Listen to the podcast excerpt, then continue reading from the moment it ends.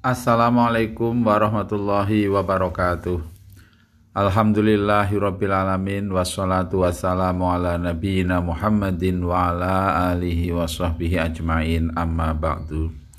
Saudara-saudaraku kaum muslimin wal muslimat rahimakumullah mengenai penyembelihan kurban. Ada dua kata yang digunakan di dalam Al-Qur'an. Yang pertama adalah zabaha yazbahu zibhin. Wa fadainahu azim. Dan kami tebus dia Ismail bidzibhin azim dengan sembelihan yang besar. Adapun zabaha yazbahu zibhun itu adalah menyembelih hewan dengan cara membaringkan terlebih dahulu.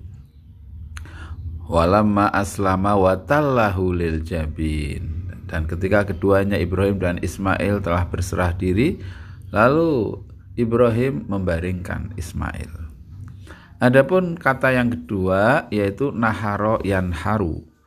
Seperti disebut dalam surah Al-Kautsar, fasalli li wanhar.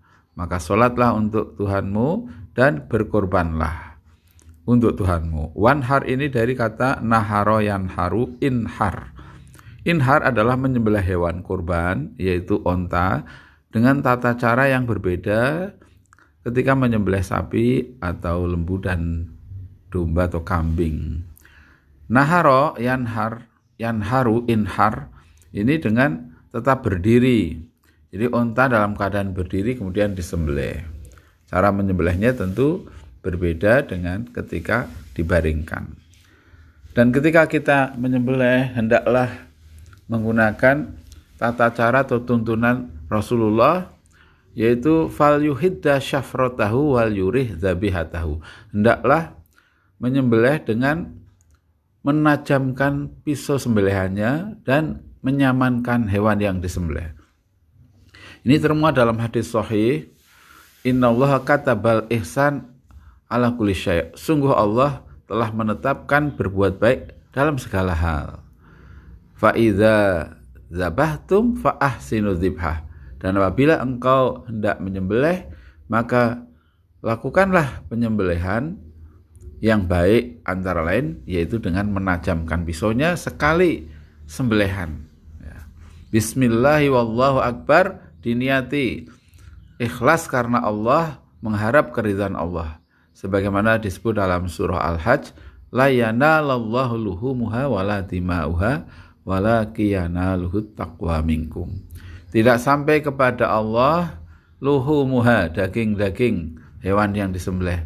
Wala dima'uha dan juga tidak sampai darah-darah dari hewan-hewan itu. Wala luhut taqwa minkum. Akan tetapi yang sampai kepada Allah yang kemudian mendapat balasan pahala yang besar adalah ketakwaan darimu. Maksudnya adalah keikhlasan. Sekali lagi hewan yang kita persembahkan sebagai hewan kurban hendaklah memenuhi persyaratan yaitu umurnya, kondisi fisiknya yang sempurna tidak cacat dan juga tidak dalam keadaan sakit atau sangat kurus. Hewan untuk sapi yang biasa kita kurbankan atau domba atau kambing kalau sapi minimal usianya 2 tahun. Kalau e, domba atau kambing satu tahun sudah cukup dan untuk sapi bisa mencukupi tujuh orang dan untuk kambing satu orang dan pahalanya untuk semua anggota keluarganya. Semoga dengan kita berkorban semakin mendekatkan diri kepada Allah sebagaimana makna kurban dari kata koruba yakrubu artinya mendekat dan semoga kita tidak mencintai harta berlebihan sehingga tidak mau berbagi dengan orang lain. Billahi taufiq walidayah. Assalamualaikum warahmatullahi wabarakatuh.